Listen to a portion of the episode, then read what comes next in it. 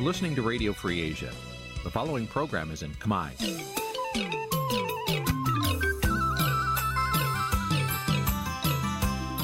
Nǐ chi càm bi tiệp xáy vệt chiu a zì sê ray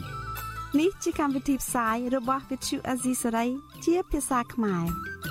វត្តឈូអាស៊ីសេរីសូមស្វាគមន៍លោកអ្នកនាងទាំងអស់ពីរដ្ឋធានី Washington នៃសហរដ្ឋអាមេរិក។ បាទផ្សាយផ្ទាល់ពីរដ្ឋធានី Washington ខ្ញុំបាទជួនចាត់បទសូមជម្រាបសួរលោកអ្នកនាងកញ្ញានិងប្រិយមិត្តទាំងអស់ជាទីមេត្រី បាទយើងខ្ញុំសូមជូនកម្មវិធីផ្សាយសម្រាប់រាត្រីថ្ងៃប្រហោះ300ខែកដិកឆ្នាំថោះបัญចស័កពុទ្ធសករាជ2567ត្រូវនៅថ្ងៃទី30ខែវិច្ឆិកាគ្រិស្តសករាជ2023បាទជាកិច្ចចាប់ផ្ដើមនេះសូមអញ្ជើញលោកអ្នកនាងស្ដាប់ព័ត៌មានប្រចាំថ្ងៃដែលមានមេត្តាដូចតទៅ thank you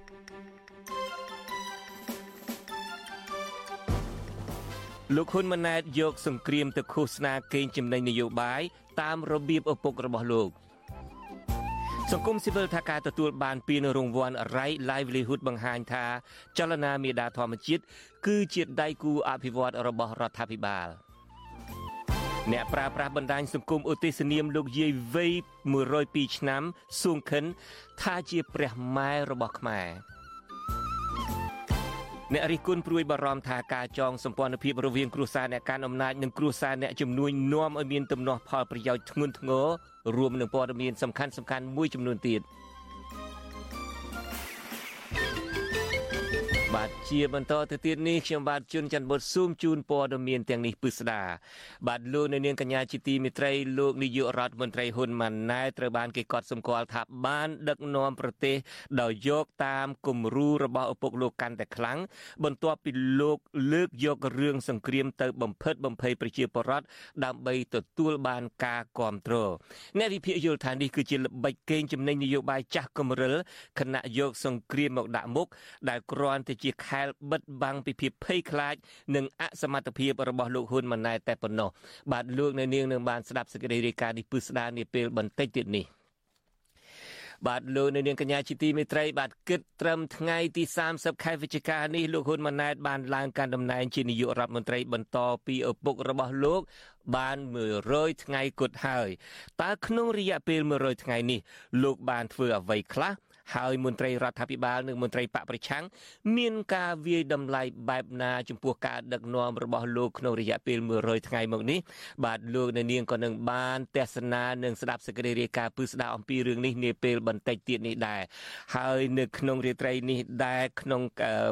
ការដែលលោកនាយករដ្ឋមន្ត្រីហ៊ុនម៉ាណែតឡើងកាន់តំណែងរយៈពេល100ថ្ងៃនេះយើងនឹងមានកិច្ចពិភាក្សាមួយថាតើក្រោមការគ្រប់គ្រងរបស់លោកមួយរយៈពេលកន្លងទៅនេះស្ថានភាពសិទ្ធិមនុស្សនិងប្រជាធិបតេយ្យនៅកម្ពុជា មានការវិវត្តបែបណាខ្លះបាទសេចក្តីរាយការណ៍ទាំងនេះនឹងមាននៅក្នុងការផ្សាយរបស់យើងជាបន្តបន្ទាប់នាពេលបន្តិចទៀតនេះយើងធ្វើអត់ចឹងអត់បានណាចុះពីលើកប៉ាល់ហោះទៅមានអារម្មណ៍ថាគេគៀបយើងចង់ទាលួយយើងខ្មែរយើងថាចង់ធ្វើយើងស៊ីភ្លាមហើយហាក់បីដូចជាមើងងាយហាក់បីដូចជាខ្មែរមើងងាយខ្មែរពីបរទេសទៅណាហើយខ្ញុំគិតថាក្នុងចំណោមខ្មែរយើងទៅនេះក៏មានមនុស្សចាស់ចាស់ខ្លះគាត់ក៏ត្រូវការជួយដែរ ប៉ុន្តែបើយើងចង់តាក់ទាញឲ្យខ្មែរពីបរទេសនឹងទៅលេងនៅប្រទេសកម្ពុជាយើងអត់ត្រូវធ្វើការអញ្ចឹងយើងត្រូវជួយគាត់ដោយអស់ពីចិត្តពីកាយហើយឲ្យគាត់ហៅបងប្អូនគាត់ទៅលេងស្រុកខ្មែរវិញនេះមកស្រុកខ្មែរគឺថាបលិសនៅស្ថានបលិសនៅតារាងកប៉ាល់ហោះនឹងគឺថាជួយសម្បើមយកចិត្តទុកដាក់ណាអត់មានគៀបសង្កត់យកលុយទេបង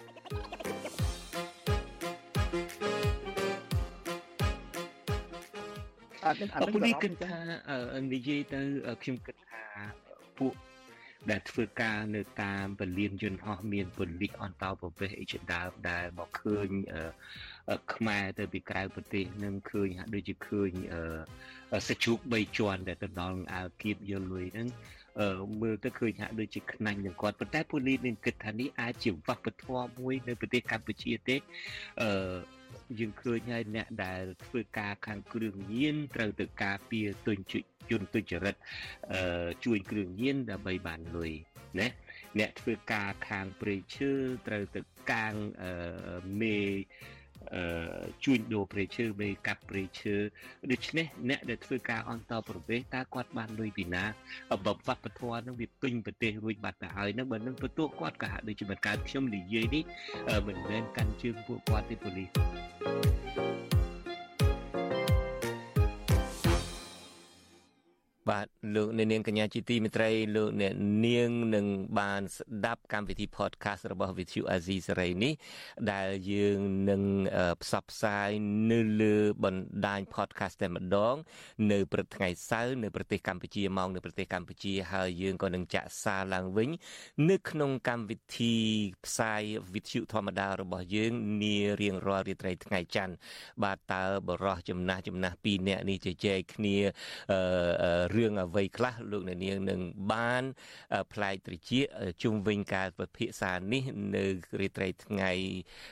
ច័ន្ទក្នុងកម្មវិធីផ្សាយវិទ្យុហើយនឹងព្រឹកថ្ងៃសៅរ៍នៅក្នុងកម្មវិធី podcast បាទសូមអញ្ជើញលោកអ្នកនាងរងចាំតាមដានកុំបីខានឡើយបាទឥឡូវនេះយើងងាកមកសេចក្តីរាយការណ៍មួយរបស់អ្នកស្រីសុជីវីអ្នកស្រីរាយការណ៍ថាជនជាតិដើមភាគតិចភ្នង និងជនជាតិដើមក្រោលរស់នៅខេត្តមណ្ឌលគិរីជាង200នាក់នៅព្រឹកថ្ងៃទី30ខែវិច្ឆិកានេះធ្វើពិធីសែនព្រេនដើម្បីបួងសួងឲ្យអរិយអ្នកតា ជួយការពារភូមិរាតដាង ដែលទទួលរងការរំលោភបំពានយកទាំងមូលធ្វើជាកម្មសិទ្ធិឯកជន ពីសំណាក់ ក្រមអ្នកមានលុយមានអំណាចបាទអ្នកស្រីសុជីវីមានសេចក្តីរាយការណ៍អំពីរឿងនេះពីរដ្ឋធានី Washington ជនជាតិដើមភាគតិចភ្នងនិងជនជាតិដើមក្រោលដែលចូលរួមពិធីសែនព្រេនទាំងនោះមកពីស្រុកចំនួន5នៅក្នុងខេត្តមណ្ឌលគិរីបានចាត់ទុកពិធីសែនព្រេនជាជំរើសចុងក្រោយ ដើម្បីពឹងឲ្យអារក្សអ្នកតាភ្នំរដាង ជួយថែរក្សាភ្នំនេះពីជនខិលខូចដែលប៉ងរំលោភយកទ្រព្យសម្បត្តិសាធារណៈរបស់រដ្ឋបំពានច្បាប់ តំណាងសហគមន៍ជនជាតិដើមភាគតិចភ្នងខេត្តមណ្ឌលគិរីលោកស្រីរឿនហែងប្រាប់វិទ្យុអាស៊ីសេរីថាតំបន់ភ្នំរដាង គឺជាបណ្ដុំប្រតិបត្តិជំនឿនិងទីសក្ការៈបូជារបស់ប្រជាសហគមន៍តាំងពីបុរាណកាលមកក៏ប៉ុន្តែបែរជាមានការទិញលក់ដីភ្នំនេះទាំងមូលដោយខុសច្បាប់ កាលពីឆ្នាំ2019ហើយរហូតមកដល់ពេលនេះមិនទាន់ដោះស្រាយចប់រួចរាល់នៅឡើយទេ លោកស្រីអស់សង្ឃឹមដោយសារតែភាពប្រងើយកន្តើយរបស់អាជ្ញាធរខេត្តមណ្ឌលគិរីនិងតុលាការដែលមិនបានការពារភ្នំអារក្សហេតុនេះទើបពួកគាត់ប្រារព្ធពិធីនេះ។តំណាងសហគមន៍នឹងគឺយើងសំណូមពរសូមឲ្យគាត់ជួយយកភ្នំនឹងមកវិញទុកជាសម្បត្តិរដ្ឋរួមយើងដើម្បីប្រើប្រាស់សានប្រេនបើយើងមិនជួយទេពួកយើងនឹងបាត់បង់អត្តសញ្ញាណរបស់យើងឯង ក្នុងពិធីសែនព្រេនអ្នកភូមិបានយកដង្វាយរួមមាន ក្របីមួយក្បាល ស្រាពីងមាន់ជ្រូកនិងនំចំណីរៀបចំនៅមុខខ្ទមអ្នកតារីឯសមាជិកសហគមន៍បានរៀបចំដុតធូបបន់ស្រន់សូមសេចក្តីសុខពីអរិយអ្នកតាភ្នំរដាង និងដាំដើមរកាដែកលើខ្នងភ្នំនេះដើម្បីកំណត់សម្គាល់តំបន់នេះជាតំបន់ភូមិបុរាណនិងជាតំបន់រៀបអាពាហ៍ពិពាហ៍របស់ដូនតាពួកគាត់កាលពីសម័យបុរាណ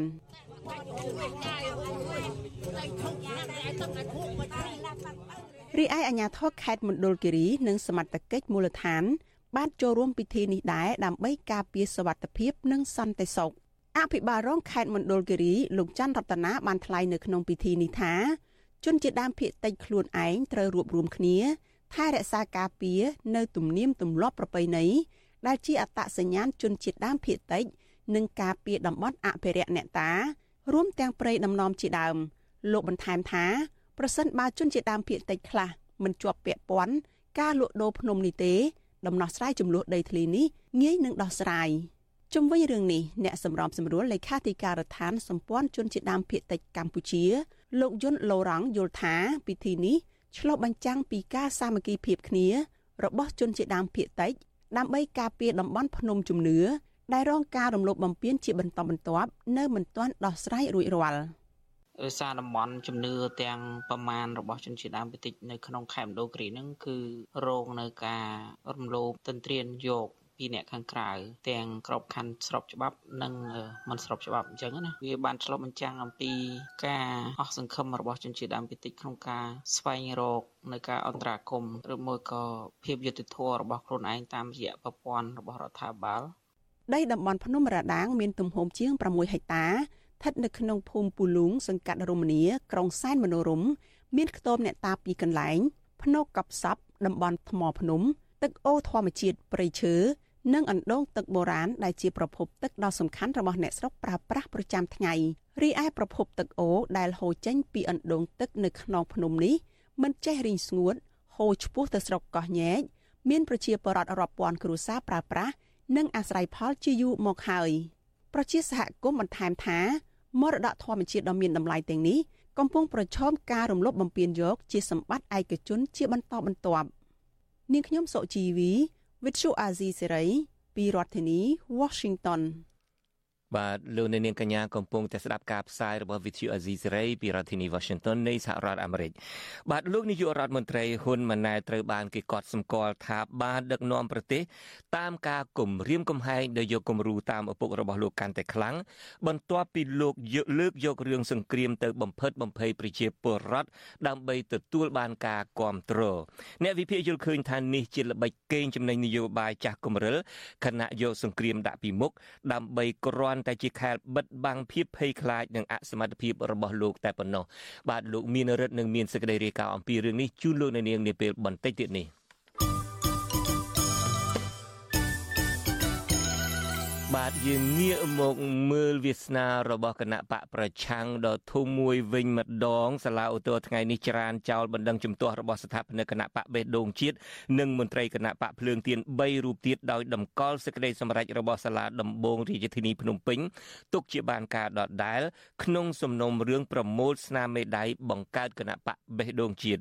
មេធាវីនិងសាច់ញាតិអ្នកជាប់ឃុំខកចិត្តលើការសម្រេចរបស់តុលាការជាន់ខ្ពស់មួយនេះនឹងត្រៀមប្តឹងសាទុកទៅតុលាការកំពូលជាបន្តទៅទៀតលោកទីនហ្សាការីយ៉ាមានសេចក្តីរាយការណ៍អំពីរឿងនេះជូនលោកនៅនាងពីរដ្ឋធានី Washington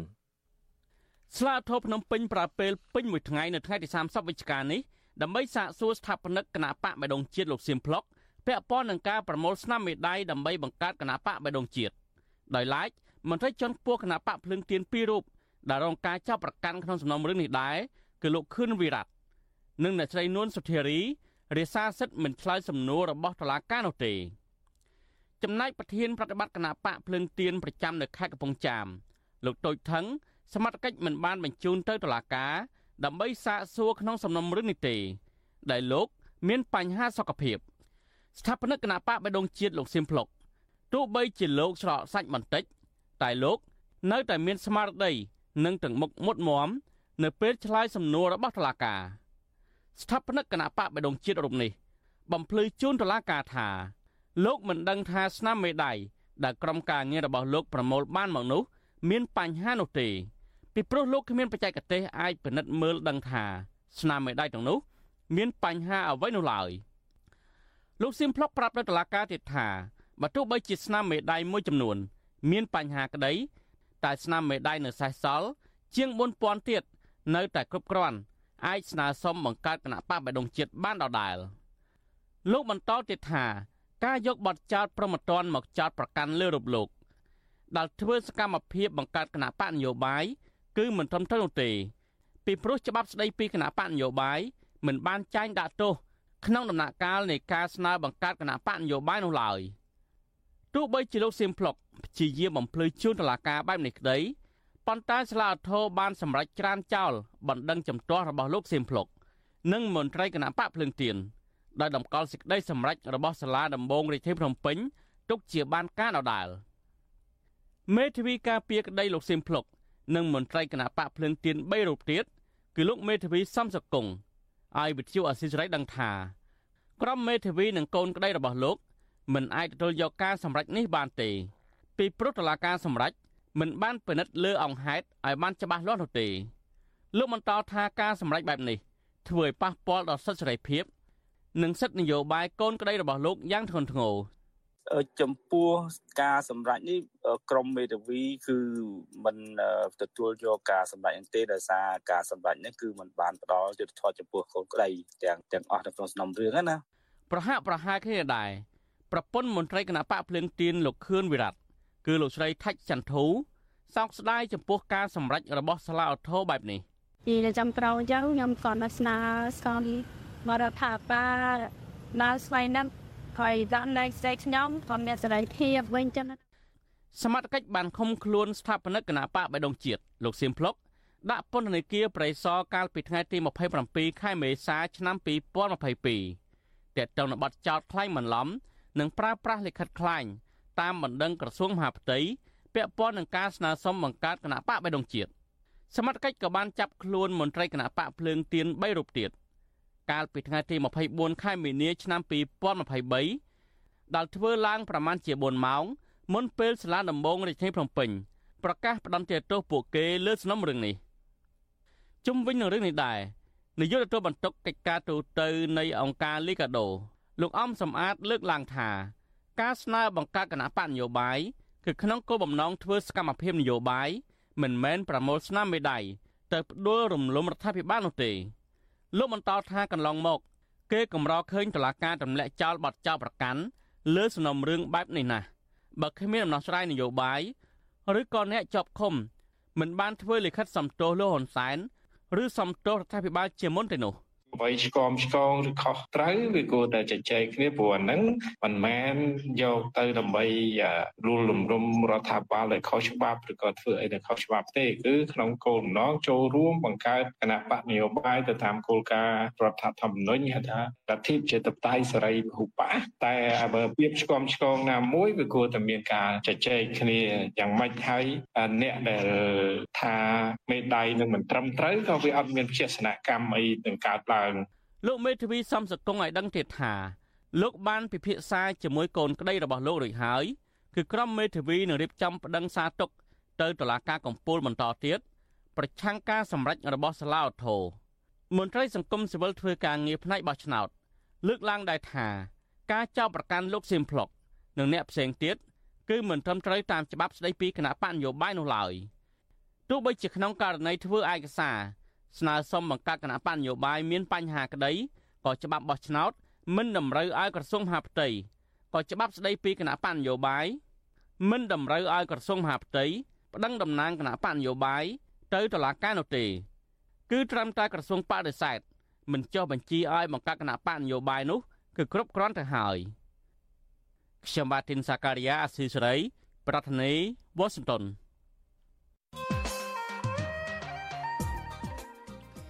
បាទលោកនាងកញ្ញាជាទីមេត្រីលោកសំរៀងស៊ីដែលជាមេបកប្រឆាំងនិងជាអតីតរដ្ឋមន្ត្រីក្រសួងសេដ្ឋកិច្ចនិងហិរញ្ញវត្ថុព្យាករថាកម្ពុជាក្រោមការដឹកនាំរបស់លោកហ៊ុនម៉ាណែតនឹងធ្វើឲ្យសេដ្ឋកិច្ចជាតិផ្លាស់ប្ដូរនឹងមិនធ្វើឲ្យសេដ្ឋកិច្ចជាតិផ្លាស់ប្ដូរឬរីកចម្រើននោះឡើយអ្នកជំនាញសេដ្ឋកិច្ចរូបនេះអះអាងថាអ្វីដែលធ្វើឲ្យកម្ពុជាផ្លាស់ប្ដូរនោះគឺការផ្លាស់ការដឹកនាំបែបផ្ដាច់ការគម្រាមកំហែងពលរដ្ឋពីឪពុកទៅកូនតែប៉ុណ្ណោះ លោកសំរងស៊ីបញ្ជាក់ថារបបដឹកនាំតពូជនេះនឹងធ្វើឲ្យកម្ពុជា មានហានិភ័យសេដ្ឋកិច្ចកាន់តែយ៉ាប់យ៉ឺននៅឆ្នាំ2024ខាងមុខស្របពេលដែលប្រជាពលរដ្ឋមួយចំនួនជំពាក់បំណុលធនាគារវ៉ាន់ករួចទៅហើយបាទតើលោកសំរងស៊ីមានសមត្ថកម្មអ្វីខ្លះក្នុងការសន្និដ្ឋានថាសេដ្ឋកិច្ចកម្ពុជា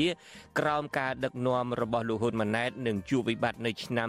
2024ខាងមុខនេះបាទសូមអញ្ជើញលោកអ្នកនាងរងចាំចូលរួមនឹងទស្សនានិងស្ដាប់នីតិវិទ្យាអ្នកស្ដាប់វិទ្យុអាស៊ីសេរីនារាត្រីថ្ងៃសុក្រស្អែកនេះដែលមានលោកសំរងស៊ីជាវាគ្មិនកិត្តិយសមកបកស្រាយជុំវិញសំណួរនេះដោយផ្ទាល់តែម្ដងប្រសិនបើលោកអ្នកនាងចាប់អារម្មណ៍ចង់ចូលរួមដាក់សំណួរឬបញ្ចេញមតិយោបល់សូមអញ្ជើញលោកអ្នកនាង សរសេរឈ្មោះនិងលេខទូរស័ព្ទរបស់លោកអ្នកនាងហើយដាក់ចូលខ្ទង់ comment នៃការផ្សាយផ្ទាល់របស់ Vithu Azizi ស្រីលើបណ្ដាញសង្គម Facebook និង YouTube ក្រុមការងាររបស់យើងនឹងតាក់ទងទៅលោកអ្នកនាងដើម្បីចូលរួមដាក់សំណួរនិងបញ្ចេញមតិក្នុងនីតិវេទិកាអ្នកស្ដាប់ Vithu Azizi ស្រីនាថ្ងៃស្អែកនេះបាទសូមអរគុណ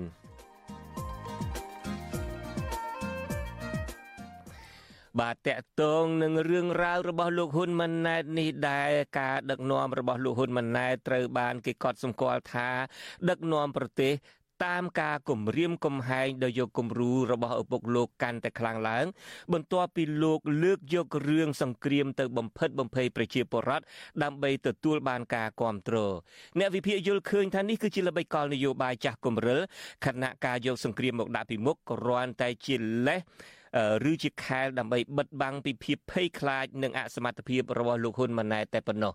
បាទលោកមានរិទ្ធមានសេចក្តីរាយការណ៍អំពីរឿងនេះជូនលោកនាងពីរដ្ឋធានី Washington ការប្រើប្រាស់ពាក្យសង្គ្រាមនិងសន្តិភាពនៅតែជាអំណួតនយោបាយដ៏ពេញនិយមរបស់នាយករដ្ឋមន្ត្រីពីរនាក់ឪពុកនិងកូនសម្រាប់ធ្វើជាឧបករណ៍ដើម្បីកេងចំណេញនយោបាយនិងគម្រាមប្រជាពលរដ្ឋ ក្នុងពិធីបិទស្ទឹងសាងសង់ទំនប់វារីអគ្គិសនីស្ទឹងតាតៃលើស្ថិតនៅក្នុងស្រុកថ្មបាំងខេត្តកោះកុងនៅថ្ងៃទី30ខែវិច្ឆិកា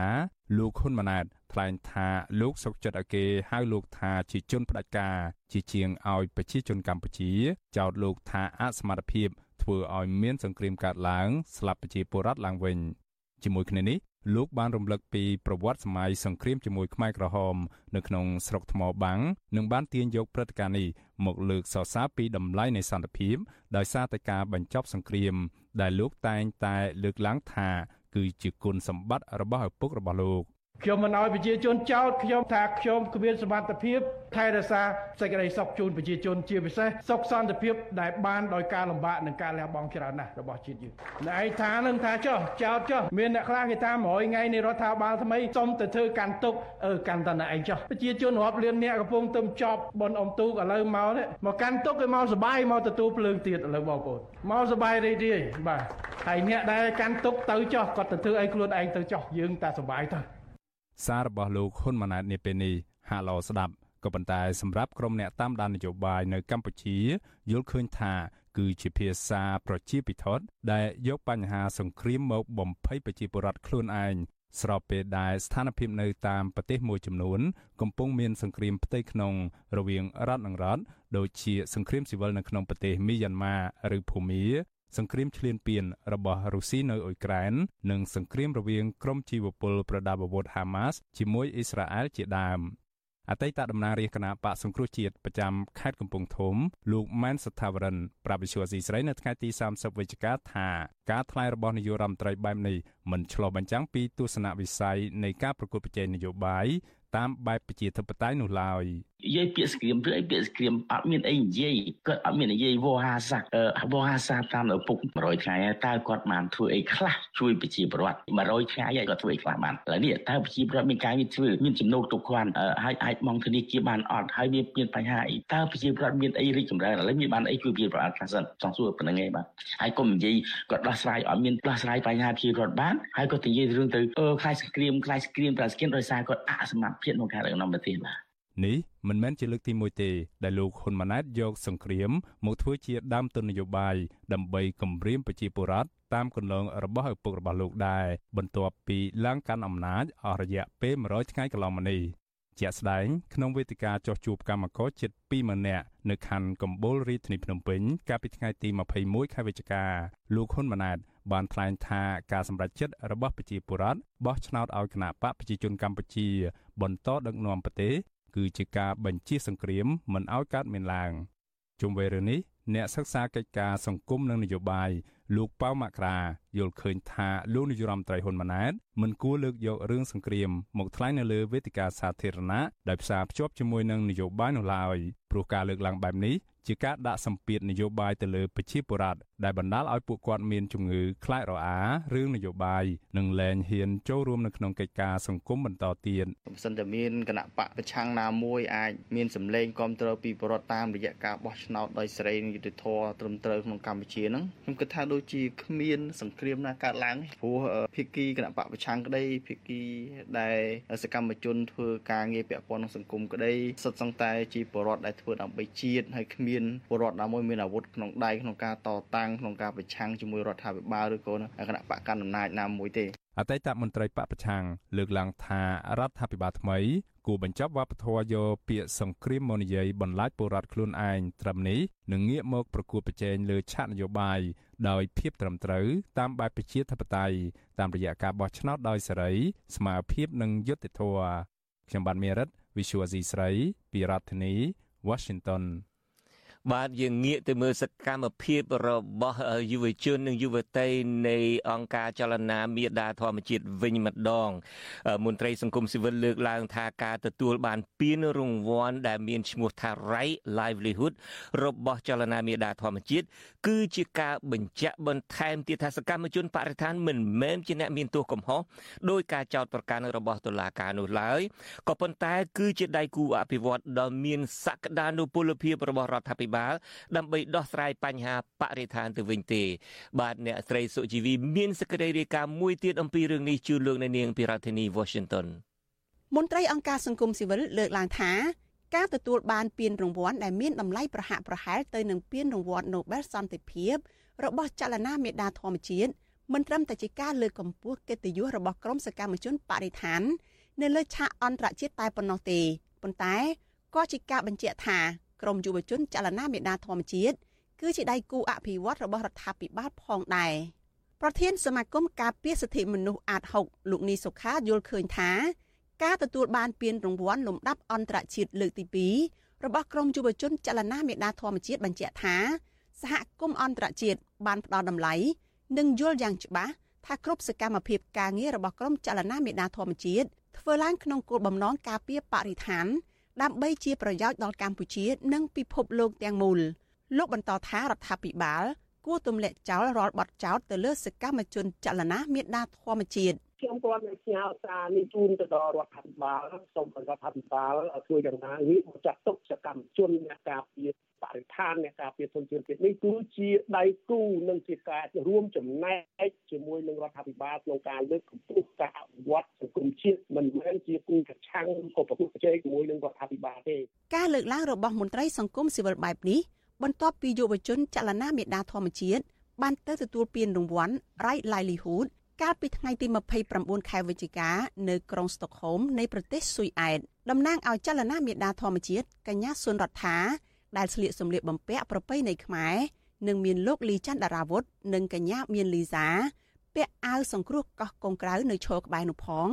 បានថ្លែងចំណាប់អារម្មណ៍នៅពេលទទួលពានរង្វាន់ថាការទទួលបានពានរង្វាន់ Right Livelihood នេះគឺជាការបញ្ជាក់ជាថ្មីម្ដងទៀតថាសកម្មភាពការពារបរិស្ថាន មិនមែនជាអំពើខុសច្បាប់នោះទេកញ្ញាបានរំលឹកឡើងវិញថាចាប់តាំងពីឆ្នាំ2015មកយ៉ាងហោចណាស់សកម្មជនចលនាមេដាធម្មជាតិចំនួន11នាក់ត្រូវបានរដ្ឋាភិបាលបញ្ជាឲ្យតុលាការចោទប្រកាន់និងដាក់ពន្ធនាគារតាមរយៈការបង្កើតបទចោទក្លែងក្លាយ។ We still face up to another 10 years in jail ពួកយើងនៅតែប្រឈមមុខនឹងការជាប់ពន្ធនាគារចំនួន10ឆ្នាំប្រសិនបើតឡាការកាត់ទោសមកលើពួកយើងនៅក្នុងសាវនាការដែលនឹងកើតមានឡើងនៅពេលឆាប់ឆាប់នេះក្រោមលេសពាក្យថាអភិវឌ្ឍប្រទេសកម្ពុជាបានកាប់ឈើជាច្រើនដោយគ្មានធ្វើការគិតពិចារណាឲ្យបានវែងឆ្ងាយតទៅសោះ ក្រមអភិជនអ្នកកាន់អំណាចកាន់តែមានទៅមានទៅ មានទ្រព្យសម្បត្តិយ៉ាងមហាសាលខណៈពេលដែលប្រជាជនរកចំណូលបានជាមធ្យមខ្ទង់130ដុល្លារនៅក្នុងមួយខែ130 US dollars ថ្លៃដោយទឹកមុខស្វាហាប់ចំពោះមុខអ្នកចូលរួមប្រមាណ600នាក់ដែលភាគច្រើនគឺជាសកម្មជនបរិស្ថាន និងអ្នកសិទ្ធិមនុស្សកញ្ញាសុនរដ្ឋាបន្ថែមថាខ្លួនកញ្ញាផ្ទាល់ និងយុវជនចលនាមេដាធម្មជាតិមិនដែលមានសេចក្តីខ្មាស់អៀនដែលមានប្រវត្តិជាប់ពន្ធនាគារដោយសារតែការងារការពារបរិស្ថាននោះឡើយ This is the generation នេះមិនមែនជាចំនួនដែលឆ្លងកាត់អំពើប្រល័យពូជសាសន៍និងសង្គ្រាមដ៏សាហាវឃោឃៅដោយ ទសវត្សរ៍ទី70 80ទេនេះគឺជាចំនួនដែលយុវជនខ្មែរមានក្តីស្រមៃចង់ឃើញការគោរពទៅលើបរិស្ថាន និងមានមោទនភាពចំពោះព្រៃឈើទន្លេបឹងបួរដែលខ្លួនមានពួកយើងក៏ចង់ឃើញកម្ពុជាគឺជាប្រទេសដែលពាក្យថាលទ្ធិប្រជាធិបតេយ្យនិងនីតិរដ្ឋគឺមិនមែនជាពាក្យសន្យាខ្យល់ but words with the real meaning ជុំវិញរឿងនេះវិទ្យុអាស៊ីសេរីមិនអាចតាក់ទងប្រធានអង្គភិបអ្នកនាំពាក្យរដ្ឋាភិបាលលោកប៉ែនបូណានិងរដ្ឋមន្ត្រីក្រសួងបរិស្ថានលោកអៀងសុផល្លែតដើម្បីសុំការបកស្រាយបាននៅឡើយទេនៅថ្ងៃទី30ខែវិច្ឆិកាបើទោះជាយ៉ាងណាផ្ទុយពីរដ្ឋាភិបាលនាំមុខខាងលទ្ធិប្រជាធិបតេយ្យដែលតែងតែផ្ដល់សេរីភាពពេញលេញឲ្យក្រុមសកម្មជនបរិស្ថានបំពេញការងាររដ្ឋាភិបាលកម្ពុជា នៅតែបន្តធ្វើទុកបុកម្នេញលើក្រុមយុវជនចលនាមេដាធម្មជាតិជាក់ស្ដែងបើទោះបីជាដឹងថាសកម្មជនចលនាមេដាធម្មជាតិត្រូវបានអង្គការអន្តរជាតិអញ្ជើញឲ្យទៅទទួលពានរង្វាន់ Right Livelihood នៅប្រទេសស៊ុយអែតនៅថ្ងៃទី29ខែវិច្ឆិកាដែលក្នុងនោះរួមមាន លោកថនរដ្ឋាកញ្ញាឡុងគុន្ធា និងកញ្ញាភួនកែវរស្មីប៉ុន្តែពួកគេមិនត្រូវបានតុលាការអនុញ្ញាតឲ្យចាក់ចេញទៅក្រៅប្រទេសឡើយដូច្នេះ ទើបក្រុមការងារផ្សេងទៀតទៅទទួលជំនួសពួកគេក្នុងពេលសកម្មជនចលនាមេដាធម្មជាតិមួយចំនួនកំពុងស្ថិតនៅក្រៅប្រទេសព្រះរាជអាជ្ញារងនៃអាយកាអមសាលាដំបងរាជធានីភ្នំពេញលោកសេងហៀងបានចេញដីកាកោះហៅពួកគេឲ្យឡើងសវនកម្មនៅថ្ងៃទី30ខែវិច្ឆិកាទៅវិញទោះជាយ៉ាងណាមេធាវីការពារក្តីឲ្យក្រុមយុវជនចលនាមេដាធម្មជាតិគឺលោកសំចម្រើនលោកប្រាប់វិទ្យុអាស៊ីសេរីថា ដោយសារតែមានការស្នើសុំពន្យាពេលសវនកម្មព្រោះសកម្មជនចលនាមេដាធម្មជាតិមួយចំនួនមិនអាចចូលរួមសវនកម្មប្រធានក្រុមប្រឹក្សាជំនុំជម្រះនៃសាលាដំបងរាជធានីភ្នំពេញអ្នកស្រីអុករ៉េតគុន្ធាបានសម្រេចលើកពេលសវនកម្មបទចោតរួមគំនិតក្បត់និងប្រមាថព្រះមហាក្សត្រទៅលើក្រុមយុវជនចលនាមេដាធម្មជាតិទាំង6នាក់កាលពីព្រឹកថ្ងៃទី30ខែវិច្ឆិកាមន្ត្រីអង្គការសង្គមស៊ីវិលលើកឡើងថារដ្ឋាភិបាល គួរចាត់ទុកសកម្មជនបរិស្ថាន និងសិទ្ធិមនុស្សគឺជាដៃគូអភិវឌ្ឍតាមរយៈការទទួលយកពាក្យស្នើសុំ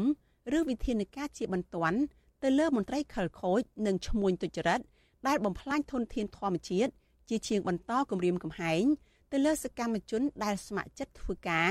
ដោយលះបង់ទាំងកម្លាំងកាយទាំងកម្លាំងចិត្តដើម្បីផលប្រយោជន៍សង្គមជាតិទាំងមូលនាងខ្ញុំសុជីវីវិទ្យុអាស៊ីសេរីពីរដ្ឋធានី Washington បាទលោកនាងកញ្ញាជាទីមេត្រីបន្ថែមពីសេចក្តីរាយការណ៍របស់អ្នកស្រីសុជីវីអំពីការដែលអឺសកម្មជនចលនាមេដាធម្មជាតិបានទទួលពានរង្វាន់ដែលមានឈ្មោះថា Right Livelihood នេះខ្ញុំបាទឥឡូវនេះមានបទសម្ភាសន៍ផ្ទាល់មួយពីទីក្រុង Washington ទៅកាន់ទីក្រុង Stockholm ទីដែលសកម្មជនទាំង3រូបកំពុងតែនៅទីនោះនៅឡើយហើយអ្នកដែលខ្ញុំសម្ភាសជាបន្តទៀតនេះគឺកញ្ញាសុនរដ្ឋារដ្ឋាជំរាបសួរចាជម្រាបសួរបងហើយនឹងជម្រាបសួរអ្នកទាំងអស់គ្នាដែលកំពុងតែស្ដាប់អូយយឡើងឈាមមកហៅសិតបងវិញចង់ឲ្យពូឲ្យចង់ឲ្យពូនឹងឡើងឈាមមកអីបាទរដ្ឋាសើចស្រួលណាស់ពូនៅក្មេងចឹងទៅហៅពូថាពូ ខ្ញុំនៅចាំកាលពីធ្វើ podcast ជាមួយរដ្ឋារដ្ឋាថាជាអ្នកទោសម្នាក់ដ៏រីករាយឥឡូវនេះក៏ជាអ្នកទទួលពានរង្វាន់ម្នាក់ដ៏រីករាយមិនទៅធូរទ្រូងច្រើនទេបន្ទាប់ពីឡើងថ្លែងសន្ទរកថា ហើយទទួលពានរង្វាន់នោះបានហើយអើយឥឡូវហ្នឹងធូរខ្លាំងមែនទែនតែពេលដែលពងកឡើងហ្នឹងគឺអត់ធូរឲ្យតឹងត្រង់មែនទែនព្រោះដោយសារភ័យ ហើយក៏ជាលើកទី1ដែលបានឡើងឆាកធំត្រូវបានអន្តរជាតិគាត់ទទួលស្គាល់ហើយមានអ្នកចូលរួមច្រើនមែនទែននឹងនិយាយមិញឡើងចន្លោះពី6ទៅ700នាក់អញ្ចឹងលើកទី1ដែលបានឡើងលើឆាកធំហើយទទួលពានដែលពានដ៏ធំអញ្ចឹងទៅពេលដែល ឡើងគឺញ័រដៃញ័រជើងអស់លេងឲ្យពេលអានភ្នែកឡើងទៅបានដល់ពេលចឹងឡើងទេចេះតែថាណោះមើលមើលឃើញ screen នេះនិយាយល្អសឹងអីគាត់សុំបើកវងកញ្ចក់បន្តិចរដ្ឋាឡើងថ្លែងសន្ទរកថាជាភាសាអង់គ្លេសហើយអ្នកដែលបកប្រែដែលលោកអ្នកនាងឮសំឡេងប្រុសនឹងគឺជាសហការីរបស់រដ្ឋាម្នាក់គឺលោកលីច័ន្ទរាវុធបាទ រដ្ឋាសង្ខេបមួយម៉ាត់មើលសារសំខាន់ដែលរដ្ឋាថ្លែងនៅចំពោះមុខអន្តរជាតិ6 700នាក់នឹងស្អីគេខ្លះយ៉ាងសង្ខេបមួយបន្តិចមើលសារសំខាន់បំផុតសារសំខាន់របស់យើងមានតែពីរទេ គឺការទៅរដ្ឋាភិបាលដែលយើងចង់បញ្ជាក់ប្រាប់គាត់ថាការដែលគាត់ព្យាយាមចាប់ពួកយើងដាក់ពន្ធនាគារព្យាយាមធ្វើទុកបុកម្នេញមកពួកយើងហ្នឹងវាអត់បាន ជាអតិពលអវិជ្ជមានឬក៏អត់បានទៅឈប់យើង ពីការដែលយើងសម័យចង់ធ្វើក្តីដើរតាមក្តីសម័យនៅក្នុងការការពារធនធានធម្មជាតិទេអញ្ចឹងគឺគាត់ប្រើយុទ្ធសាស្ត្រហ្នឹងគឺអត់ត្រូវជាមួយនឹងពួកយើងដែលជាយុវជនទេហើយពួកយើងជាយុវជនគឺជាយុវជនបាទប្រហែលជាសេវាអ៊ីនធឺណិតបាទជឿជឿទៀតចាស់បាទនឹងមានភាពក្លាហានរឹងមាំចាហើយសារទី2ហ្នឹងគឺយើងជូនទៅប្រជាជនកម្ពុជាជាពិសេសហ្នឹងគឺយុវជនកម្ពុជា គឺចង់បញ្ជាក់ប្រាប់គាត់ថាការកសាងប្រទេសកម្ពុជាឲ្យមាន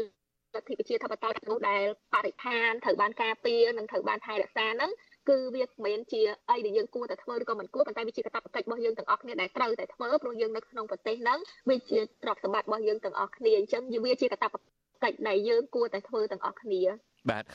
អរគុណរដ្ឋាហើយអឺពីប្រទេសកម្ពុជាមកនឹងមន្ត្រីអង្គការសង្គមស៊ីវិលអីហ្នឹងក៏ចូលរួមអបអរសាទរសម្បើមណាស់រហូតដល់ពួកគាត់សន្និដ្ឋានថាសកម្មភាពរបស់យុវជនចលនាមេដាធម្មជាតិនិងសកម្មជនបរិស្ថានដទៃទៀតនឹងមិនមែនជាការប្រឆាំងនឹងរដ្ឋាភិបាលទេក៏ប៉ុន្តែជាដៃគូអភិវឌ្ឍដ៏ល្អមួយរបស់រដ្ឋាភិបាលទៅវិញតើការធ្វើការសន្និដ្ឋានរបស់មន្ត្រីអង្គការសង្គមស៊ីវិលនេះរដ្ឋាភិបាលមានអីបន្ថែមទៀតដែរទេពួកគាត់និយាយក្រោយគឺពួកយើងជាដៃគូធ្វើការរបស់រដ្ឋាភិបាលបើសិនជារដ្ឋាភិបាលគាត់ស្ដាប់សម្លេងយើងមានន័យថាគាត់នឹងយល់ថាពីបញ្ហាដែលកើតឡើងកន្លងមកព្រោះយុវជនបរិស្ថានគាត់អត់ដែលរៀបរៀងការអភិវឌ្ឍណាតែធ្វើឲ្យមានការរីកចម្រើនទេប៉ុន្តែបើការអភិវឌ្ឍណាដែលរំលោភសិទ្ធិមនុស្សដែលប៉ះពាល់ទៅដល់ធនធាន សេវាមិនសូវល្អក្រុមការងាររបស់យើងបើសិនជាបិទរូបរបស់រដ្ឋាចេញឲ្យលឺសូរតែសម្លេងប្រហែលជាល្អជាងបាទរាល់សកម្មភាពរបស់ពួកយើងបាទយើងព្យាយាមបាទអញ្ជើញអញ្ជើញអញ្ជើញទៀតចុះបាទចាហើយកន្លងមកសកម្មភាពរបស់ពួកយើងនៅពេលដែលយើងធ្វើសកម្មភាពនីមួយនីមួយគឺយើងតែងតែស្នើសុំឲ្យខាងក្រសួងបរិស្ថានយើងស្នើឲ្យក្រសួងពាក់ព័ន្ធព្យាយាមមកសហការជាមួយពួកយើងពេលខ្លះយើងដាក់លិខិតដើម្បីឲ្យគាត់ មកចូលរួមជាមួយពួកយើងប៉ុន្តែគឺយើងតែងតែទទួលបានការបដិសេធឬក៏ការមិនឆ្លើយតបជាមួយនឹងការអញ្ជើញឲ្យចូលរួមជាមួយពួកយើងយើងអត់ដែលបដិសេធមិនឲ្យគាត់ចូលរួមទេគឺយើងចង់ឲ្យគាត់ចូលរួមជាមួយពួកយើងយើងចង់ឲ្យគាត់ស្ដាប់ឮសំឡេងពួកយើងដែលជាយុវជននៅក្នុងការទៀមទាហ្នឹងថាហេតុអីបានជាយើងចង់បានបែបហ្នឹងហើយមូលហេតុអីបានជាយើងធ្វើសកម្មភាពទាំងអស់ហ្នឹងប៉ុន្តែជាអកុសលគឺក្រសួងមិនដែលស្ដាប់សំឡេងរបស់ពួកយើងរដ្ឋាភិបាលមិនដែលស្ដាប់សំឡេងរបស់ពួកយើងបែរជាចោទប្រកាន់ពួកយើងថែម បាទប៉ុន្តែយ៉ាងណាក៏ដោយជាសកម្មភាពរបស់យុវជនមេដាធម្មជាតិចលនាវិដាធម្មជាតិនេះក៏បានទទួលការគាំទ្រនិងលើកសរសើរពីសំណាក់អន្តរជាតិដែលសង្ឃឹមថាប្រទេសកម្ពុជាអាចនឹងទទួលយកសកម្មភាពរបស់យុវជននេះដូចជាអង្គការមិនមែនរដ្ឋាភិបាលមួយចំនួនលើកឡើងថាវាជាដៃគូអភិវឌ្ឍដ៏ល្អមួយរបស់រដ្ឋាភិបាលទៅចុះសំណួរមួយរបស់ខ្ញុំទៅកាន់រដ្ឋាភិបាលនេះយើងទាំងអស់គ្នាដឹងថាពានរង្វាន់ Right Livelihood នេះនេះគឺថាមានតម្លៃប្រហាក់ប្រហែលសឹងតែដល់រង្វាន់ Nobel ឯណោះ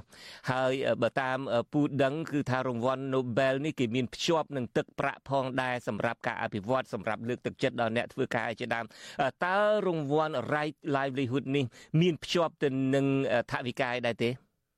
ហើយពានរង្វាន់នេះមានភ្ជាប់ជាមួយនឹងថាវិការខ្លះដែរដើម្បីគ្រប់គ្រងសកម្មភាពរបស់ពួកយើងនៅក្នុងការការការពារធនធានធម្មជាតិក៏ដូចជាមានថាវិការសម្រាប់ឲ្យពួកយើងចំណាយនៅក្នុងការដំណើរទស្សនកិច្ចរបស់ពួកយើងនៅអឺរ៉ុបនេះដែរអាចប្រាប់បានទេប្រមាណដែរដើម្បីយកមកធ្វើការងារសកម្មភាពដើម្បីការពារបរិស្ថាននេះរដ្ឋាបា ទយើងមានបញ្ហាសេវាខ្ញុំបាទគ្រាន់តែចង់ដឹងពីរដ្ឋាថាតើពីរង្វាន់ Rai Livelihood នេះមានភ្ជាប់ថវិកាប្រមាណសម្រាប់យកទៅបម្រើការងារការពារបរិស្ថាននេះបើសិនជាពេលនេះរដ្ឋាឬរដ្ឋាអាចឆ្លើយបានផងបាទ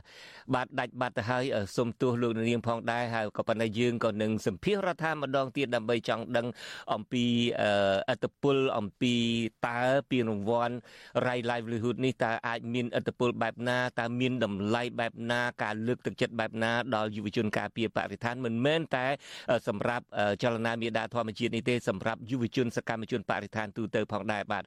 បាទឆ្លៀតឱកាសនេះខ្ញុំបាទមានសេចក្តីរាយការណ៍មួយតាក់ទងទៅនឹងអតីតរដ្ឋមន្ត្រីការបរទេសអាមេរិកលោក Henry Kissinger បានទទួលមរណភាពកាលពីថ្ងៃទី29ខែវិច្ឆិកា ការក្នុងជនមានអាយុ100ឆ្នាំគត់ក្នុងផ្ទះរបស់លោកនៅរដ្ឋ Connecticut នៃសហរដ្ឋអាមេរិកលោក Henry Kissinger គឺជាអ្នកការទូតជាអ្នកនយោបាយជើងចាស់និងជាម្ចាស់ ពានរង្វាន់ Nobel សន្តិភាពដ៏មានឥទ្ធិពលម្នាក់នៅលើពិភពលោក ដែលបានកំណត់គោលនយោបាយការបរទេសអាមេរិកនិងសម្ដាប់ធ្នាប់ពិភពលោកក្នុងសម័យក្រោយសង្គ្រាមលោកលើកទី2និងសម័យសង្គ្រាមត្រជាក់លោកក៏ជាស្ថាបនិកគោលនយោបាយការបរទេសអាមេរិកម្នាក់ដែលផ្ដួចផ្ដើមឲ្យមានការត្រូវរើគ្នារាំងវិញ រវាងសហរដ្ឋអាមេរិកនិងចិន និងសហរដ្ឋអាមេរិកនិងអតីតសហភាពសូវៀតជាដើមទោះជាយ៉ាងណាលោកអតីតរដ្ឋមន្ត្រីការបរទេសអាមេរិក Henry Kissinger នេះគឺជាអ្នកនយោបាយដ៏ចម្រូងចម្រាសម្នាក់នៅលើពិភពលោកក្រុមអ្នករិះគន់ថាលោកគឺជាអក្រិតកម្មអក្រិតជនសង្គ្រាមដោយសារតែលោកបានដាក់ចេញគោលនយោបាយពាក់ព័ន្ធទៅនឹងការទម្លាក់គ្រាប់បែកសម្ងាត់របស់អាមេរិកនៅកម្ពុជា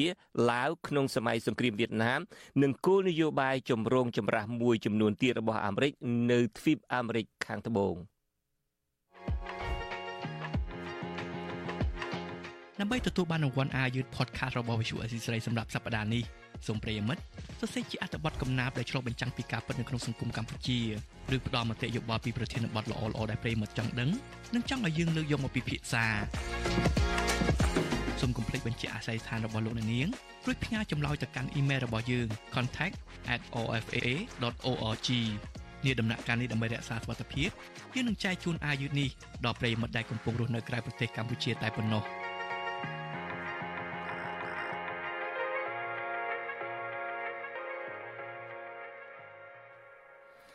បាទលោកនាងកញ្ញាជាទីមិត្តរីគិតត្រឹមថ្ងៃទី30ខែវិច្ឆិកានេះលោកហ៊ុនម៉ាណែតឡើងកាន់តំណែងជានាយករដ្ឋមន្ត្រីបន្តពីឪពុករបស់លោក បាន100ថ្ងៃគត់ហើយតើក្នុងរយៈពេល100ថ្ងៃនេះលោកបានធ្វើអ្វីខ្លះហើយមន្ត្រីរដ្ឋាភិបាលនិងមន្ត្រីបកប្រឆាំងវាយតម្លៃយ៉ាងណាចំពោះការងាររបស់លោក យើងប្រកុលនីតិនេះជូនលោកមានរិទ្ធពីរដ្ឋធានី Washington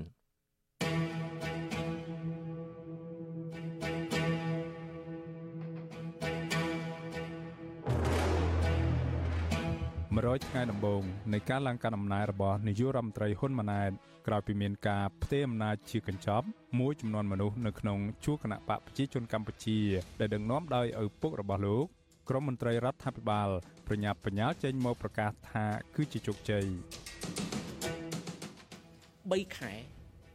ក្នុងអាណត្តិ5ឆ្នាំ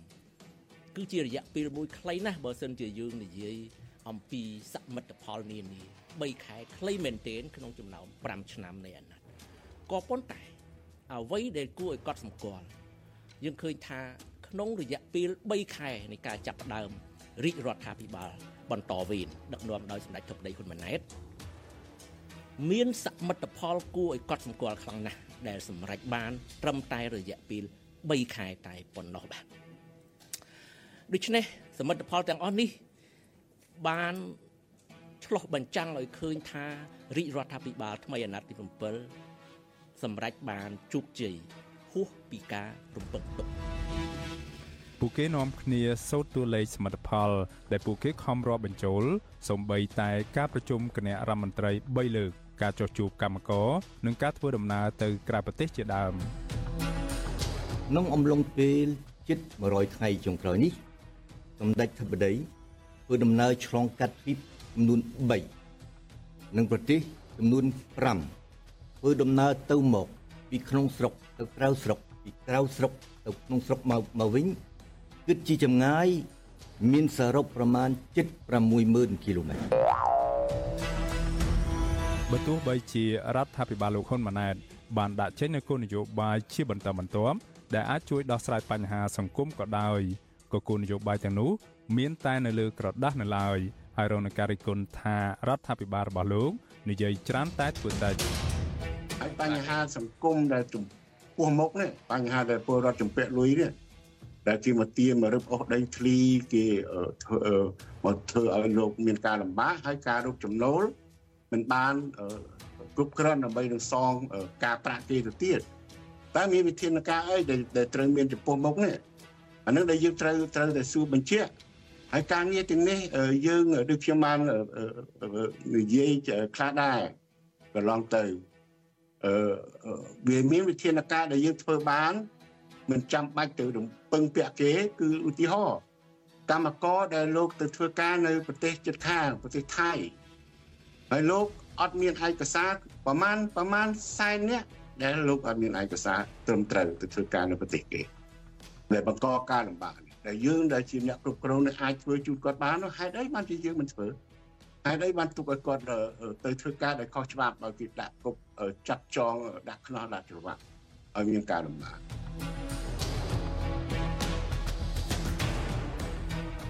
ក្រៅពីមិនបានដោះស្រាយបញ្ហាចំពោះមុខទាំងនេះហើយក៏គ្មានឡើយការប្រកាសពីតួលេខជាក់លាក់នៃចំនួនទឹកប្រាក់វិនិយោគបរទេសដោយផ្ទាល់ពីសំណាក់ក្រុមអ្នកវិនិយោគនៅប្រទេសលោកខាងលិច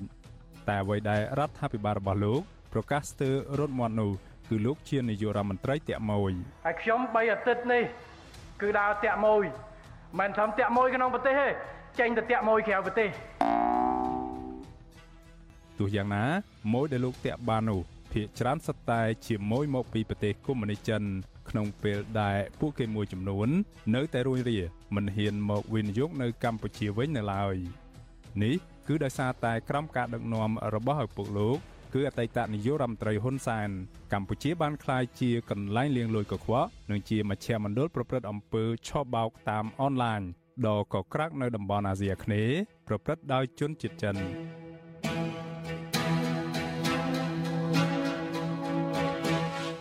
100ថ្ងៃដំបូងនៃការដឹកនាំរបស់លោកហ៊ុនម៉ាណែតសម្រាប់ប្រធានស្ដីទីគណៈបកសង្គ្រោះជាតិលោកសំរាស៊ីវិញ លោកយល់ថាគួរតែជាពេលវេលានៃការកាន់ទុកទៅវិញទេលោកសំរាស៊ីសរសេរនៅលើទំព័រ Facebook របស់លោកថាលោកហ៊ុនម៉ាណែតឡើងមកកាន់តំណែងអំពើអយុត្តិធម៌សង្គមក៏កាន់តែធ្ងន់ទៅធ្ងន់ទៅ ហើយជីវភាពរស់នៅរបស់ប្រជារាស្ត្រតូចតាចកាន់តែពិបាកទៅពិបាកទៅខណៈមានអ្នកទស្សនយោបាយកាន់តែច្រើនឡើងច្រើនឡើង ការគំរាមកំហែងកាន់តែខ្លាំងឡើង ហើយអំណាចផ្ដាច់ការក៏កាន់តែអាក្រក់ទៅអាក្រក់ទៅ យ៉ាងហោចណាស់មានពលរដ្ឋចំនួន17នាក់ត្រូវបានអាជ្ញាធរចាប់ដាក់គុកតាមទំនឹងចិត្តក្រោមការដឹកនាំរបស់លោកហ៊ុនម៉ាណែតក្នុងនោះក៏រួមមានសកម្មជនដីធ្លីខេត្តកោះកុងដែលក្រោយមកត្រូវបានដោះលែងឲ្យនៅក្រៅឃុំវិញអ្នករិះគន់បកកណ្ដាលអំណាចនិងសកម្មជនគណៈបកភ្លើងទៀនជាដើមប្រជាពលរដ្ឋរាប់លានអ្នកជាង6លានអ្នកផ្ដល់ការទុកចិត្តឲ្យគណៈបកប្រជាជនកម្ពុជា 100ថ្ងៃដំបូងសមិទ្ធផលដ៏លេចធ្លោមួយទៀតដែលលោកហ៊ុនម៉ាណែតនាំមកជូនសង្គមជាតិនោះគឺការបង្កើតក្រុមបំពល់ព័ត៌មានលោកប្រសិទ្ធនាមឲ្យក្រុមនេះថាជាគណៈកម្មាធិការជាតិសម្របសម្រួលកិច្ចការព័ត៌មាននិងសាធារណមតិដែលមានលោកស្វាយសិដ្ឋាធ្វើជាប្រធានកាន់តែធ្ងន់ធ្ងរជាងនេះទៀត Visual C ស្រីរកឃើញថាគណៈរដ្ឋមន្ត្រីថ្មីរបស់លោកហ៊ុនម៉ាណែត ពោពេញទៅដោយបណ្ដាញបកពួកនិយមចាក់ស្រេះពលគឺរបបដឹកនាំថ្មីនេះមិនត្រឹមតែមិនបានលុបបំបាត់ចោលនៅប្រព័ន្ធបកពួកនិយមដុះស្នឹមដែលបន្សល់ទុកដោយឪពុករបស់លោកប៉ុណ្ណោះទេ តែរបបនេះថែមទាំងបង្កើនទ្វេដងនៅការដឹកនាំដោយបណ្ដាញបកពួកនិយមចាក់ស្រេះដ៏រីករាលដាលក្តីសង្ឃឹមដែលថានាយករដ្ឋមន្ត្រីថ្មីលោកហ៊ុនម៉ាណែត អាចនឹងក្លាយជាកម្លាំងចលករនាំឲ្យមានកំណែទម្រង់បែបវិជ្ជមាននៅក្នុងសង្គមកម្ពុជានោះទំនងជាពិបាកនឹងកើតមានឡើងដរាបណាលោកមិនហ៊ានវះកាត់ប្រព័ន្ធខ្សែស្រឡាយបកពុនិយមចាក់ស្រេះនេះទេខ្ញុំបានមេរិត Visual Asia ស្រីពីរដ្ឋធានី Washington បាទលោកនាងកញ្ញាជាទីមេត្រីនៅថ្ងៃស្អែកនេះលោកសំរងស៊ីដែលជាមេបកប្រឆាំងនិងជាអតីតរដ្ឋមន្ត្រីក្រសួងសេដ្ឋកិច្ចនិងហិរញ្ញវត្ថុក៏ឡើងមកវាយតម្លៃចំពោះសកម្មភាពដឹកនាំប្រទេសក្នុងរយៈពេល100ថ្ងៃនេះរបស់លោកហ៊ុនម៉ាណែតផងដែរហើយលោកក៏បានព្យាករទុកថាកម្ពុជាក្រោមការដឹកនាំរបស់លោកហ៊ុនម៉ាណែតនេះសេដ្ឋកិច្ចនឹងធ្លាក់ចុះនៅឆ្នាំ2024បាទតើលោកសំរងស៊ីមានសមត្ថកម្មអ្វីខ្លះក្នុងការទាញការសន្និដ្ឋានថាសេដ្ឋកិច្ចរបស់កម្ពុជានឹងធ្លាក់ចុះនៅឆ្នាំ2024នេះសូមអញ្ជើញលោកនាងរងចាំតាមដានកំបីខានឡើយបាទហើយជាបន្តទៅទៀតនេះយើងមានអ្នករាយការណ៍ព័ត៌មានដ៏ឆ្នើមរបស់យើងមើលរូបឆ្នើមឲ្យក្មេងឲ្យស្អាតទៀតគឺលោកយ៉ងច័ន្ទរាឡើងមករាយការណ៍ជូនលោកអ្នកនាងអំពីការដឹកនាំប្រទេសរបស់លោកហ៊ុនម៉ាណែតក្នុងរយៈពេល100ថ្ងៃនេះតើហើយលោកពិនិត្យតែពីចំណុចទេការការរំលោភសិទ្ធិមនុស្សស្ថានភាពរំលោភសិទ្ធិមនុស្សហើយនិងស្ថានភាពស្ដារលទ្ធិប្រជាធិបតេយ្យនឹងបានកើនឬទេឬមួយកាន់តែដាំក្បាលចុះឬមួយតែនៅដដែលដោយឪពុករបស់លោកអាចរៀបរាប់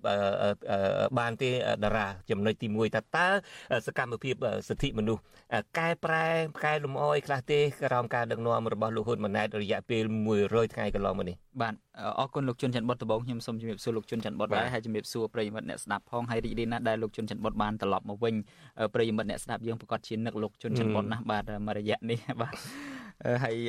បាទនឹងអានឹងបញ្ជូដាក់មនុស្សចាស់ដើម្បីឲ្យមកធ្វើ show ទេណាអត់ទេលោកជុនច័ន្ទបុតនេះជាអារម្មណ៍ពិតរបស់ខ្ញុំបាទជាចង់ឲ្យលោកជុនច័ន្ទបុតនៅបន្តធ្វើកម្មវិធីបានច្រើនទៀតទៅដើម្បីប្រយោជន៍មិត្តអ្នកស្ដាប់យើងផងបាទបាទហើយដូច្នេះខ្ញុំបាទសូមជម្រាបជូនលោកអ្នកនាងតាក់ទងចំណុចត្រួសត្រាសមួយចំនួនអំពីការរំលោភសិទ្ធិមនុស្សហើយនឹង ស្ថានភាពប្រជាធិបតេយ្យនៅកម្ពុជានឹងក្រោមការដឹកនាំរបស់លោកហ៊ុនម៉ាណែតដោយយើងបានដឹងថាហើយថាថ្ងៃនេះគឺជាគម្រប់100ថ្ងៃហើយដែលគាត់បានឡើងកាន់តំណែងជានាយករដ្ឋមន្ត្រីនឹងបន្តពីឪពុករបស់គាត់ហើយមុននឹងឈានចូលដល់ចំណុចនៃការដឹកនាំរបស់លោកហ៊ុនម៉ាណែត100ថ្ងៃទៅលើរឿងសិទ្ធិមនុស្សប្រជាធិបតេយ្យនេះខ្ញុំសូមបកក្រោយបន្តិចដើម្បីជម្រាបជូនលោកអ្នកនាងអំពីស្ថានភាពសិទ្ធិមនុស្សនិងប្រជាធិបតេយ្យអ្វីខ្លះដែលរងការរំលោភបំពាននៅក្នុងសម័យនៃការដឹកនាំរបស់ឪពុកគាត់គឺលោកហ៊ុនសែននោះបាទបាទ អញ្ចឹងលោកអ្នកនាងប្រហែលជានៅចាំហើយនៅក្នុងពេញមួយអាណត្តិកន្លងទៅនឹងពីឆ្នាំ2018រហូតដល់2023ហ្នឹងគឺថាលោកហ៊ុនសែនបានប្រើប្រាស់ប្រព័ន្ធតុលាការដើម្បីចាប់អ្នកនយោបាយចាប់សកម្មជនចាប់អ្នករិះគន់រដ្ឋាភិបាលហ្នឹងយ៉ាងហោចណាស់គឺថាលើសពី100អ្នកដាក់ពន្ធនាគារក្រោមបទចោទដែលមិនសមហេតុផលបទចោទដែលគេមើលឃើញថាជារឿងប្រឌិតអីហ្នឹងហើយយើងឃើញមួយទៀតថាមនុស្សចំនួនយ៉ាងហោចណាស់យ៉ាងតិចបំផុតក៏130អ្នកដែរដែរ130នាក់ដែរត្រូវបានតុលាការនឹងចោទប្រកាន់ពីបទរួមគំនិតក្បត់ហើយនឹងញុះញង់ហើយនៅក្នុងនោះអ្នកខ្លះត្រូវបានគេផ្ដន់ទោសមកដល់ថ្ងៃហ្នឹងគាត់នៅជាប់ពន្ធនាគារនៅឡើយទេ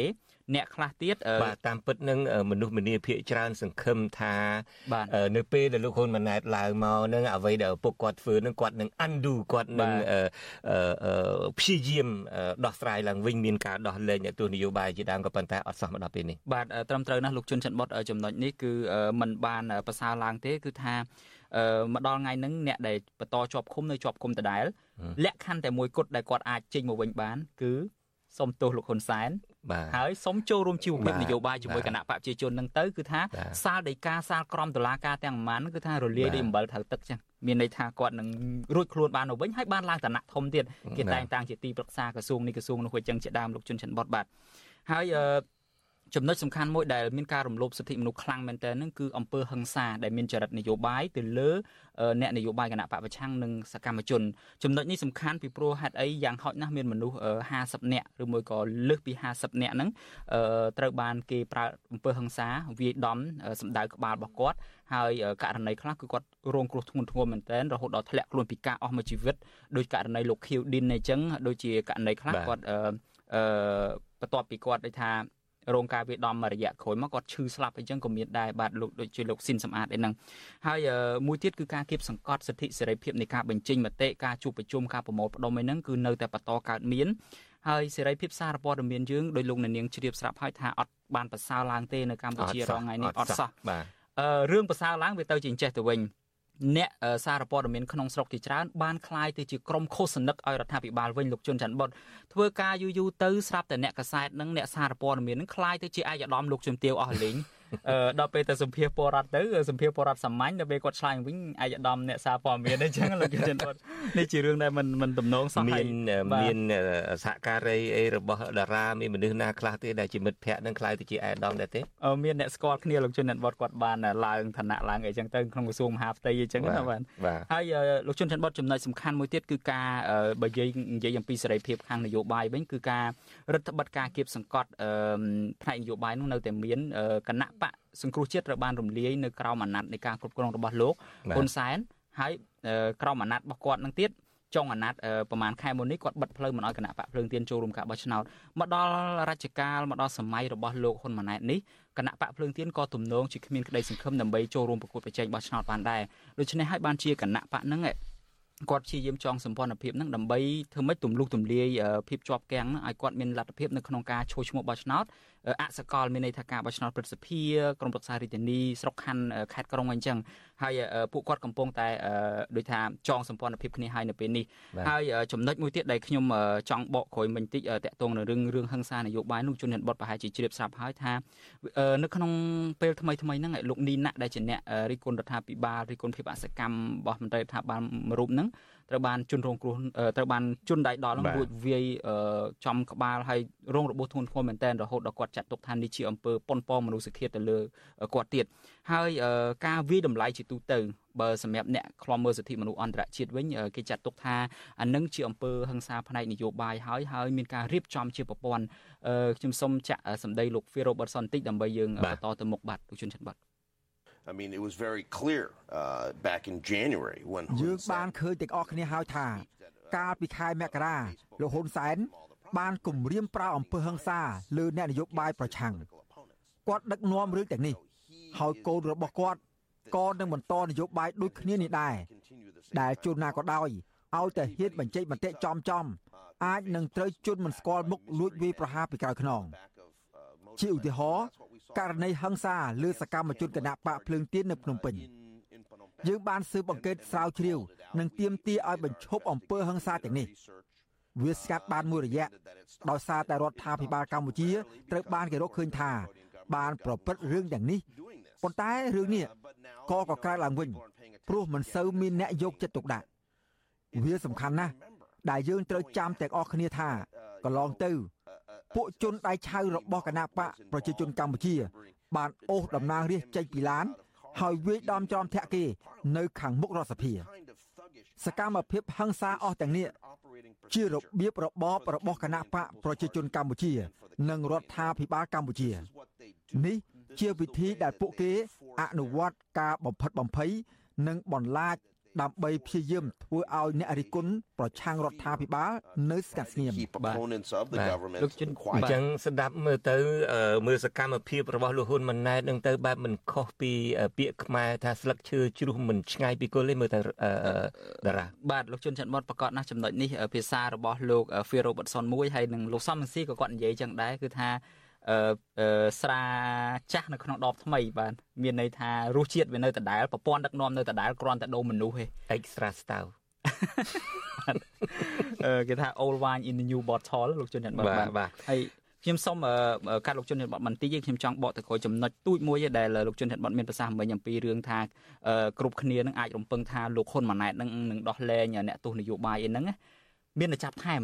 ចាប់តាំងពីសម័យនៃការដឹកនាំរបស់គាត់ពីថ្ងៃទី22សីហាមកហ្នឹងយ៉ាងហោចណាស់មនុស្ស17នាក់ហើយដែលគេចាប់ដាក់ពន្ធនាគារលោកជុនច័ន្ទបាទបាទបើសិនជាលោកហ៊ុនម៉ាណែតនៅតែបន្ត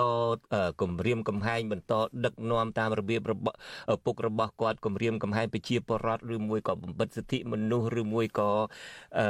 មិនអនុវត្តលទ្ធិប្រជាធិបតេយ្យនេះតើអាចនឹងមានផលវិបាកបែបណាដែរនៅក្នុងអាណត្តិរបស់លោកនេះបាទ លោកជុនច័ន្ទបុតនេះជាចំណុចមួយដ៏សំខាន់មែនទែនយើងត្រូវចាំថាចំណុចនៃការដែលយើងរៀបរាប់ពីដំបូងមកដល់ពេលនេះហ្នឹងគឺថាក្រោមសម័យដឹកនាំរបស់ឪពុកគាត់ហ្នឹងដោយសារតែទង្វើអស់ហ្នឹងហើយបានជាសហភាពអឺរ៉ុបហ្នឹងដកប្រព័ន្ធអនុគ្រោះពន្ធ EBA ពីកម្ពុជាហ្នឹង20%ហើយប្រកែកអត់បានទេរឿងនេះពីព្រោះអឺរ៉ុបបានគណៈកម្មការអឺរ៉ុបបានស៊ើបអង្កេតយូរមកហើយហើយគេបានរកឃើញថាមាន ការរំការរំលោភសិទ្ធិមនុស្សនោះធ្ងន់ធ្ងរជាលក្ខណៈប្រព័ន្ធតែម្ដងឥឡូវនេះនៅក្រៅដែលរដ្ឋាភិបាលថ្មីកើតឡើងហើយលោកហ៊ុនម៉ាណែតក្លាយជានាយករដ្ឋមន្ត្រីហ្នឹង កាលពីថ្ងៃទី21វិច្ឆិកាថ្មីថ្មីហ្នឹងគណៈកម្មការអឺរ៉ុបបានចេញរបាយការណ៍ថ្មីមួយដោយបញ្ជាក់ថាកម្ពុជានឹងត្រូវតែបង្ហាញឲ្យឲ្យគេឲ្យឲ្យឃើញនូវការពិតនិងគួរឲ្យជឿជាក់បានតាក់ទងទៅនឹងការកែលម្អស្ថានភាពសិទ្ធិមនុស្សដើម្បីឆ្លើយតបទៅនឹងអ្វីដែលជាកង្វល់របស់ខាងសហភាពអឺរ៉ុបនឹងពីព្រោះគេអាចផ្ដល់ឋានៈអនុគ្រោះពន្ធឲ្យយើងនឹងបានតតែយើងនឹងគោរពសិទ្ធិមនុស្សជាលក្ខខណ្ឌចម្បងមួយដែលគេបានចងនឹងហើយគេដាស់តឿនចំណុចនេះគឺ ក៏ដើម្បីឲ្យកម្ពុជានឹងមានឱកាសនៅក្នុងការទទួលបាន EBA ពេញលេញឡើងវិញដែរក៏ប៉ុន្តែក៏ជាផ្លូវមួយទៀតដែរមានន័យថាពុំមានទុកជាមុនថាបើមិនកែលម្អស្ថានភាពនឹងទេអាចនឹងបាត់បង់ឋានៈអនុគ្រោះពន្ធនឹងបន្តទៀតហើយនេះជានិយាយពីរឿង EBA ប៉ុន្តែរឿង GSP ក៏សំខាន់ដែរ GSP យើងនៅពេលដែលផុតសុពលភាព GSP កាលពីចុងឆ្នាំ2020ហ្នឹង សហរដ្ឋអាមេរិកអត់ទាន់ផ្ដល់ឲ្យកម្ពុជាវិញទេអត់ទាន់បន្តអាសុពលភាពនឹងឡើងវិញទេនេះគឺជាអាចជាផលវិបាកមួយទៀតប្រសិនបើស្ថានភាពសិទ្ធិមនុស្សនៅកម្ពុជានឹងអត់ទៅបានកែលម្អហើយចុងក្រោយបំផុតគឺតនកម្មទៅលើមន្ត្រីជាន់ខ្ពស់រដ្ឋាភិបាលជាលក្ខណៈបុគ្គលនឹងឯងលោកជុនច័ន្ទបុតគឺថាក្រោមច្បាប់ពិសេសដែលសហរដ្ឋអាមេរិកនិងប្រទេសប្រជាធិបតេយ្យមួយចំនួនទៀតអាចនឹងដាក់ទៅលើមន្ត្រីដែលជាប់ពាក់ព័ន្ធស៊ីជម្រៅនៅក្នុងការរំលោភសិទ្ធិមនុស្សនៅកម្ពុជានឹងបាទបាទអរគុណតារាដែលបានរៀបរាប់អ្វីត្បិតតែពេលវេលាខ្លីក៏ប៉ុន្តែក៏រៀបរាប់បានក្បោះក្បាយដែរខ្ញុំបានក៏សូមជម្រាបជូនលោកនៅនាងថាស្អែកនេះលោកសំរងស៊ីក៏ឡើងមកធ្វើជាវាគ្មិនកិត្តិយសក្នុងនីតិវិទ្យាអ្នកស្ដាប់វិទ្យុអេស៊ីសេរីដើម្បីពិភាក្សាអំពីការធ្លាក់ចុះលោកប្រមាលមើលថានឹងមានការធ្លាក់ចុះសេដ្ឋកិច្ចក្រោមការដឹកនាំរបស់លោកហ៊ុនម៉ាណែតនេះហើយក្រៅពីនោះក្រុមការងាររបស់យើងនឹងក៏ពិនិត្យមើលមួយផ្នែកទៀតនៃការកាន់អំណាចរបស់លោកហ៊ុនម៉ាណែតនេះមួយជ្រុងទៀតដែលក្រុមការងាររបស់យើងធ្វើនឹងមានលោកថាថៃពីប្រទេសអូស្ត្រាលីជាដើមនឹងលោកពិនិត្យមើលឃើញថាក្រោមការដឹកនាំរបស់លោកហ៊ុនម៉ាណែតនេះការចងសម្ព័ន្ធភាពរវាងអ្នកកាន់អំណាចរវាងអុកញ៉ាមន្ត្រីអីហ្នឹងក៏នៅតែមានដដែលហើយលោកថាថៃក៏នឹងឡើងមកបកស្រាយថាតើការចងសម្ព័ន្ធភាពរវាងអ្នកដឹកនាំរដ្ឋាភិបាលជាមួយនឹងអ្នកមានហ្នឹងតើអាចមានផលវិបាកមានផលចំណេញមានផលខាតបែបណាចំពោះប្រទេសជាតិបាទសូមអញ្ជើញលោកនៅនឹងរងចាំតាមដានការផ្សាយរបស់យើងហើយមកដល់ត្រឹមនេះខ្ញុំបាទជួនច័ន្ទបុតព្រមទាំងក្រុមការងារទាំងអស់របស់វិទ្យុអាស៊ីសេរីសូមអរគុណចំពោះលោកអ្នកនាងដែលតែងតែមានភក្ដីភាពចំពោះការផ្សាយរបស់យើងហើយខ្ញុំបាទសូមអរគុណនិងសូមជម្រាបលាតែត្រឹមនេះរីត្រីសុស្ដី